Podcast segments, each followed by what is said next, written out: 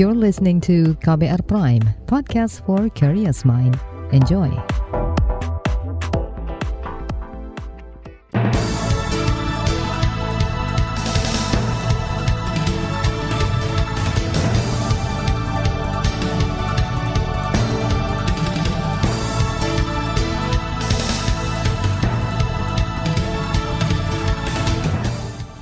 Selamat pagi saudara, senang sekali kami bisa menjumpai Anda melalui program Buletin Pagi edisi Selasa 29 November 2022.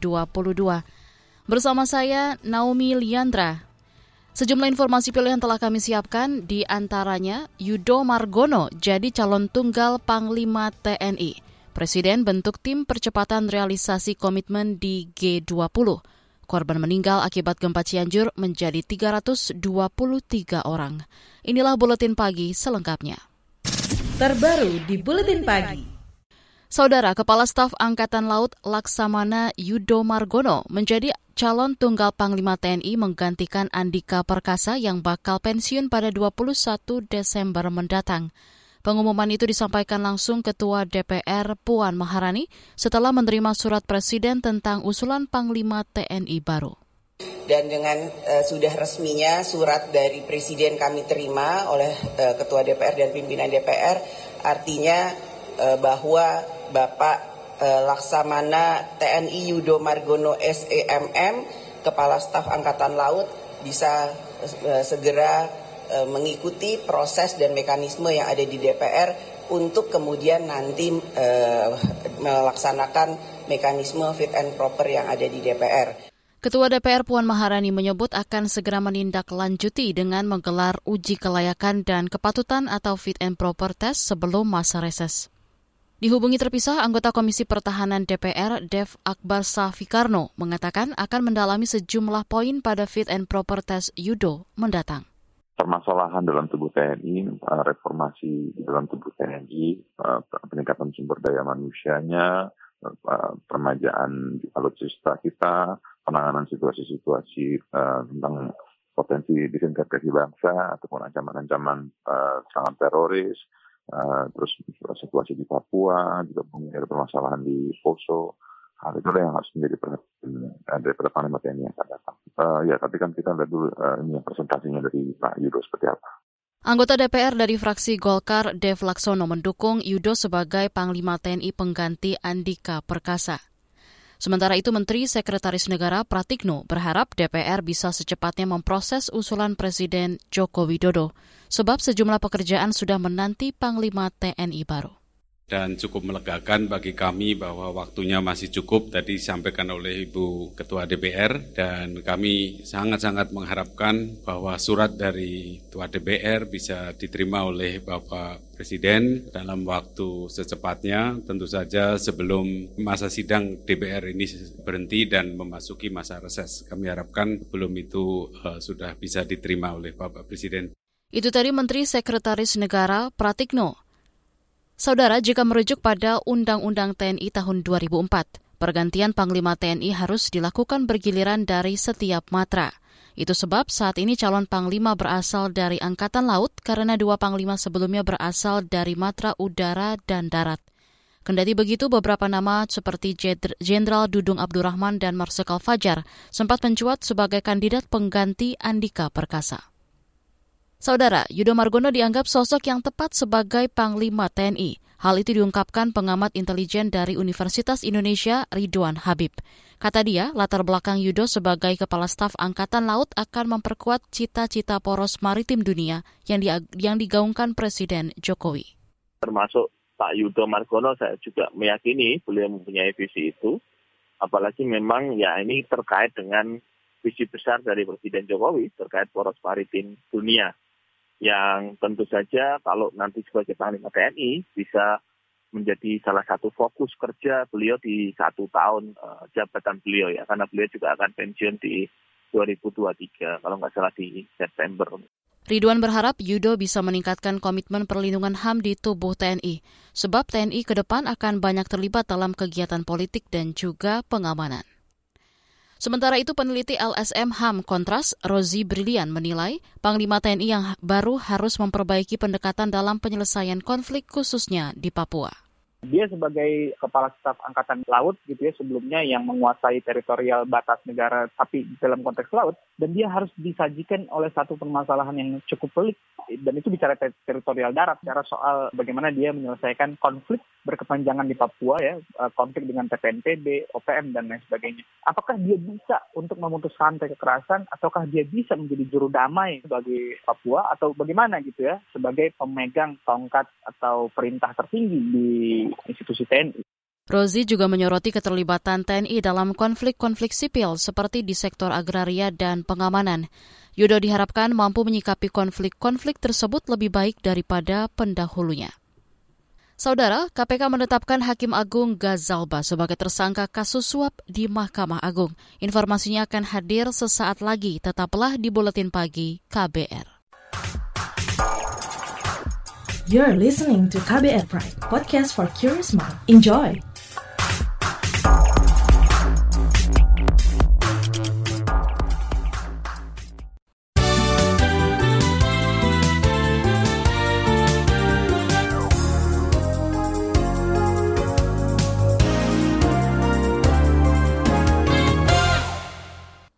Anda sedang mendengarkan Buletin Pagi KBR.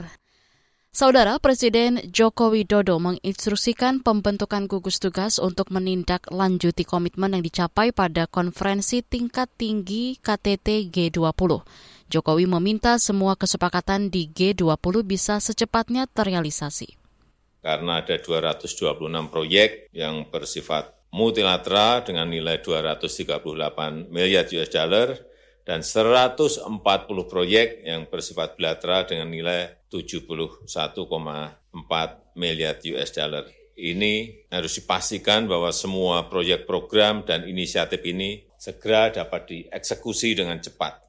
Itu tadi Presiden Joko Widodo. Beberapa kesepakatan yang dicapai di G20 di antaranya komitmen Amerika Serikat melalui skema Partnership for Global Infrastructure Investment senilai 600 miliar dolar. Kemudian 20 miliar dolar untuk pengembangan kendaraan listrik berbasis fosil, serta komitmen investasi dari Jepang, Inggris, Turki, dan Korea Selatan untuk MRT Jakarta dan pembangunan jalan tol Trans Sumatera. Beralih ke informasi hukum, Bekas pejabat Propam Polri Arif Rahman Arifin mengaku telah menghapus dokumen hasil otopsi Yosua Huta Barat atau Brigadir J. Arif diperintah Kombes Susanto yang saat itu menjabat kabak penegakan hukum di Divisi Propam Polri. Hal itu disampaikan Arif dalam sidang lanjutan kasus pembunuhan Brigadir J kemarin. Di rumah sakit ya, tanggal 8 malam, 8 malam. Siapa yang memberitahu saudara? Saya ditelepon oleh saksi Kombes Nur, Agus Nur Patria untuk ke rumah sakit. Ya. Jam berapa saudara ditelepon? Jam setengah sebelas malam. Agar ke rumah sakit, nanti koordinasi dengan uh, Kombes Susanto. Sampai di rumah sakit kurang lebih jam 12 kurang, saya menghadap dengan Kombes Susanto, disampaikan kita akan melakukan pengamanan otopsi Arif mengaku tak mengetahui bahwa hasil otopsi itu adalah milik anggota polisi. Ia baru tahu beberapa jam setelah dokumen dihapus. Dalam perkara ini Arif didakwa merintangi penyidikan kasus pembunuhan Brigadir J. Masih soal hukum, Komisi Pemberantasan Korupsi KPK mengumumkan Hakim Agung Gazalba Saleh GS sebagai tersangka kasus korupsi. Deputi Bidang Penindakan KPK Karyoto mengatakan GS terjerat kasus dugaan suap pengurusan perkara di, di lingkungan Mahkamah Agung. KPK kemudian menemukan kecukupan alat bukti mengenai adanya dugaan perbuatan pidana lain dan ditindaklanjuti ke tahap penyidikan dengan menetapkan dan mengumumkan tersangka sebagai berikut. GS, Hakim Agung pada Mahkamah Agung RI, PN, Hakim Justisial, Panitera Pengganti pada Kamar Pidana Mahkamah Agung Republik Indonesia dan Asisten Hakim Agung GS. RN, Staf Hakim Agung GS. Deputi Bidang Penindakan KPK Karyoto menambahkan Gazalba Saleh sampai saat ini belum memenuhi panggilan pemeriksaan. Karena itu Gazalba diminta lebih kooperatif. Dalam perkara ini Gazalba telah mengajukan gugatan pra-peradilan di Pengadilan Negeri Jakarta Selatan. Sidang pertama bakal digelar pada 12 Desember mendatang. Beralih ke informasi lain, sejumlah organisasi profesi kesehatan menggelar aksi damai menolak masuknya Omnibus Law rancangan Undang-Undang RUU Kesehatan di Prolegnas 2023. Pasalnya substansi RUU itu mengancam sistem kesehatan nasional dan pembahasannya tidak transparan. Berikut keterangan juri bicara Aliansi Nasional Tenaga Kesehatan dan Mahasiswa Kesehatan Seluruh Indonesia, Mahesa Paranedipa menuntut RUU Kesehatan Omnibus Law ini dikeluarkan dari Prolegnas. Kita menolak keberadaan RUU ini. Kenapa kita menolak? Karena pertama, prosesnya tidak transparan, terburu-buru, dan dan menyalip prosedur, tidak adanya apa tidak melibatkan unsur-unsur stakeholder dan juga masyarakat. Ini kita bicara tentang kesehatan. Bicara kesehatan itu hak seluruh rakyat Indonesia. Jadi tidak boleh sembarangan kalau bikin uh, undang-undang. Mahesa menambahkan RUU Kesehatan juga pro liberalisasi dan kapitalisasi kesehatan karena tidak memiliki kontrol dan tidak memperhatikan mutu pelayanan. Aliansi juga menyoroti dihapusnya Undang-Undang Profesi Tenaga Kesehatan di RUU Kesehatan, padahal itu penting dalam tata laksana organisasi profesi di Indonesia. Saudara, perusahaan penyedia jasa pinjaman online diminta lebih transparan terkait syarat dan bunga pinjaman. Anggota Komisi Koperasi dan UKM DPR Arya Bima menyoroti banyaknya warga yang terjerat pinjol berbunga tinggi. Politikus PDI Perjuangan ini lantas mendorong masyarakat dan UKM memanfaatkan program pembiayaan milik pemerintah terkait dengan LPDP Lembaga Pendanaan Dana Bergulir lewat LPDP yang saat ini kita prioritaskan pada koperasi. Begitu juga instrumen-instrumen pembiayaan yang lainnya yang yang betul-betul pemerintah lewat bank-bank himbara ya, itu sudah memberikan penjaminan untuk mendapatkan bunga yang sangat murah. Apalagi dengan holding ultramikro. Kita mengintegrasikan antara penggadaian, kemudian penyertaan modal madani, dan BRI. Arya Bima menuturkan ada program kredit usaha rakyat KUR yang lebih aman. Kata dia, masyarakat tidak perlu khawatir dengan bunga tinggi dan penagihan yang agresif.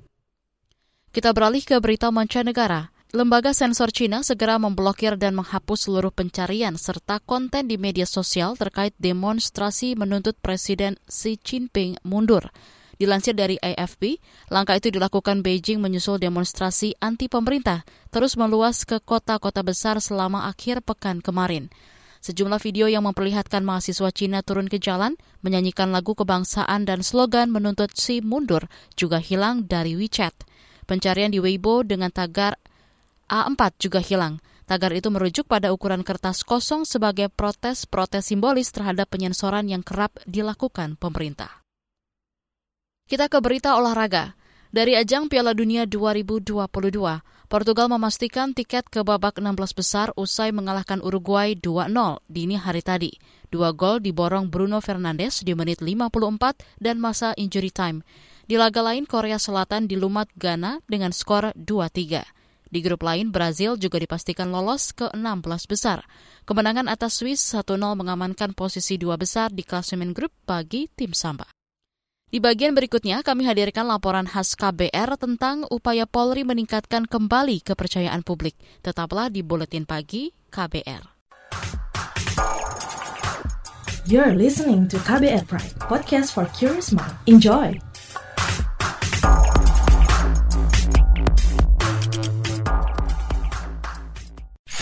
Commercial break. Commercial break. Sepasang kekasih yang terpaut usia hingga 61 tahun di Subang. Ini bukan hal baru. angka pernikahan dini juga Kawin anak terus terjadi, sering kali menjadi viral, bahkan jadi bahan guyonan dalam kemasan berita yang sensasional. Seorang gadis berusia 18 tahun. Seolah ini bukan masalah. Tapi, bagaimana rasanya kawin ketika masih di usia anak? Gimana sih perasaan saya tuh sebenarnya hancur waktu itu hancurnya bisa naik sekolah ya pengen banget sekolah. Lihat orang. Saya ajak kamu mendengar langsung suara mereka yang dikawinkan di usia anak. Ibu sama bapak tetap paksa untuk menikah. Saya tidak bisa memenuhi impian Bapak Ibu. Saya Malika, ini adalah Disclose, serial podcast investigasi dari KBR. Yang penting saya mau ningkain cita-cita Disclose, dipaksa kawin bisa disimak di KBR Prime, Spotify, dan aplikasi mendengarkan podcast lainnya.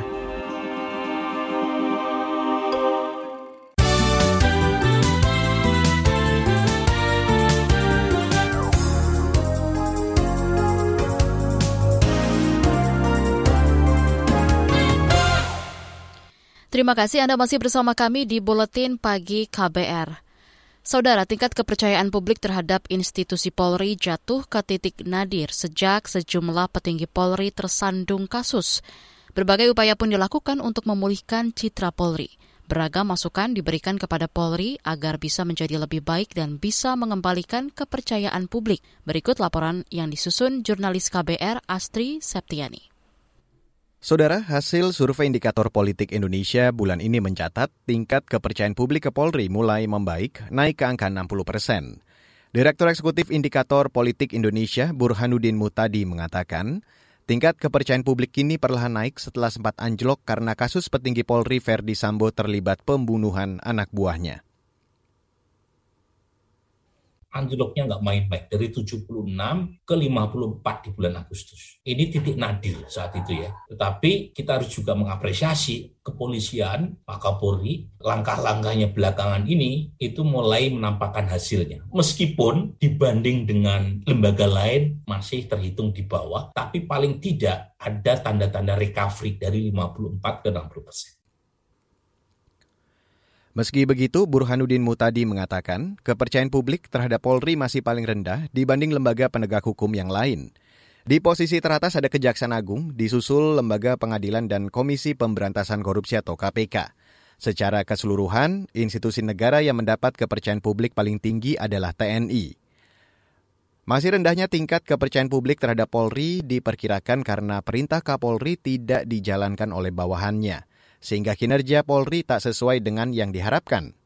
Anggota Komisi Hukum DPR Taufik Basari meminta Kapolri Listio Sigit Prabowo mengawal instruksi reformasi Polri yang ia keluarkan bisa terlaksana sampai ke tingkat bawah dan melakukan pembenahan total untuk meningkatkan kepercayaan masyarakat. Ini yang yang kadang-kadang akhirnya begitu begitu ada kesalahan lagi tingkat bawah, entah itu salah menerjemahkan atau tidak memiliki semangat yang sama untuk melakukan pembenahan, akhirnya bisa bisa saja tingkat kepercayaannya menjadi turun kembali. Nah, oleh karena itulah uh, menurut saya salah satu hal yang penting karena memang peristiwa-peristiwa yang terjadi saat ini sebenarnya adalah fenomena gunung es di mana uh, sebenarnya kasus Sambo, kasus Teddy Minahasa dan beberapa kasus-kasus yang mencuat ini kan bukan bukan terjadi pada saat ini saja, tapi kebetulan saja terungkap pada saat ini ya. Kemudian Pak Kapolri tidak menutup-nutupinya, nah dan sebagainya. Padahal kalau kita mau lebih kritis, peristiwa-peristiwa ini eh, praktek-praktek yang dilakukan tadi setoran, kemudian suap, apa pelayanan yang tidak baik itu sudah terjadi sedemikian lamanya. Anggota Komisi Hukum DPR lainnya, Nasir Jamil meminta Polri menjadikan fakta persidangan dalam kasus Verdi Sambo sebagai evaluasi untuk pembenahan internal. Nasir mengatakan institusi Polri harus mengantisipasi agar kejadian polisi tembak polisi tidak terulang lagi lemahnya pengawasan kepada institusi kepolisian, baik dari kalangan parlemen maupun Kompolnas maupun dari presiden sendiri. Kan presiden turun tangan itu, ya mengundang mereka di istana dan itu belum pernah terjadi eh, di masa presiden presiden sebelumnya. Nah karena itu eh, butuh pengawasan yang ekstra ordinary ya kepada institusi kepolisian karena apa? Karena mereka punya diskresi Nasir Jamil mengatakan, saat ini masalah budaya kerja masih menghambat Polri dalam meningkatkan citra positif mereka.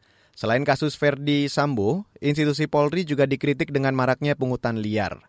Karena itu, kebijakan tilang elektronik maupun parkir elektronik serta Satgas Saber Pungli diharapkan mampu membenahi institusi Polri.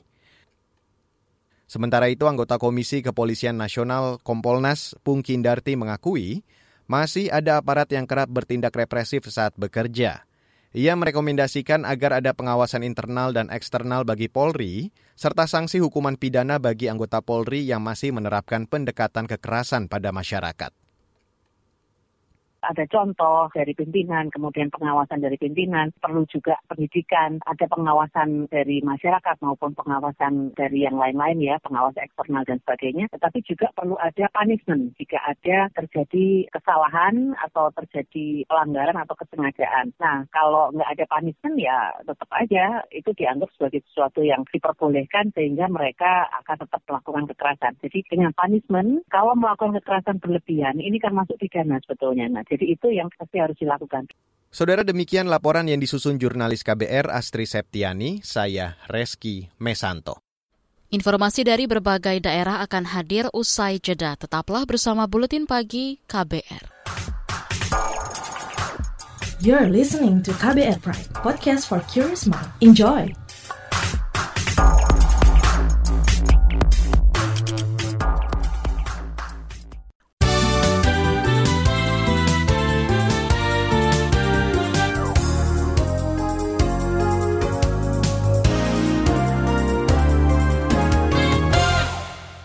Inilah bagian akhir buletin KBR. Saudara, tiga titik lahan untuk relokasi korban gempa Cianjur sudah disiapkan, yakni di Desa Sirna Galih seluas 2,5 hektar, Desa Mande 4 hektar, dan di Desa Cipendawa 10 hektar. Hal itu diungkapkan Bupati Cianjur Herman Suherman dalam keterangan pers kemarin. Alhamdulillah yang di Kecamatan Cilaku, Desa Sirna Galih, Insya Allah tidak akan lama lagi tim akan action untuk perataan-perataan tanah. Mudah-mudahan dari Kementerian PU ini bisa dipercepat untuk pembangunan-pembangunannya. Herman menambahkan relokasi diprioritaskan untuk warga yang rumahnya berada di daerah rawan seperti Kecamatan Cugenang, utamanya di Cijedil yang terjadi longsor dan Kampung Gintung, Desa Mangunkerta. Pada kesempatan itu Herman juga menyampaikan perkembangan pencarian korban hilang. Kemarin tim SAR menemukan dua korban meninggal sehingga totalnya mencapai 323 orang. Kita ke Bangka Belitung. Tim gabungan melanjutkan pencarian dua kru helikopter P1103 yang hilang kontak sejak 27 November lalu akibat cuaca buruk. Hingga kini baru satu korban ditemukan dalam kondisi meninggal. Pencarian akan dilakukan selama seminggu ke depan. Kapolri Listio Sigit Prabowo berharap dua kru ditemukan selamat. Dua helikopter karena mendapatkan kondisi cuaca buruk sehingga satu helikopter kemudian uh, lost contact tadi malam dan tadi pagi kita mendapatkan informasi bahwa sudah ditemukan Lampung, kemudian kursi dan satu korban jenazah dari salah satu anggota kami saat ini pencarian terus dilakukan dari Polri sendiri dengan kapal dan helikopter yang kita miliki. Kapolri Listio Sigit Prabowo menambahkan pencarian melibatkan tim SAR, TNI Angkatan Laut, dan kapal masyarakat. Kita beranjak ke Papua. Sejumlah ruangan di kantor DPR Papua dipalang beberapa anggota dewan sebagai aksi protes saat pembungkaman demokrasi. Ketua kelompok khusus DPR Papua, John N.R. Gobay, mengatakan aparat selalu menghalangi pengunjuk rasa menyampaikan aspirasi dan melarang mendatangi gedung dewan.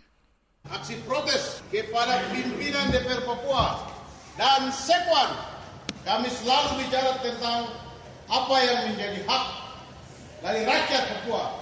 Bahwa kantor ini adalah kantor rakyat. Ruang demokrasi di DPR ini harus dibuka.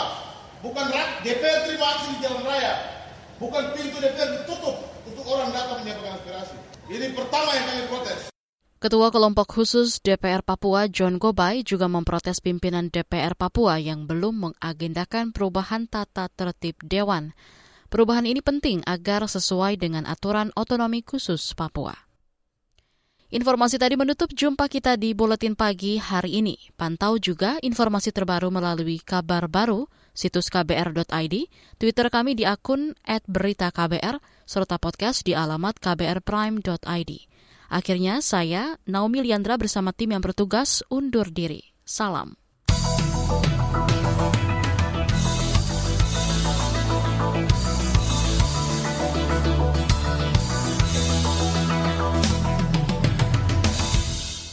KBR Prime, cara asik mendengar berita. KBR Prime, podcast for curious mind.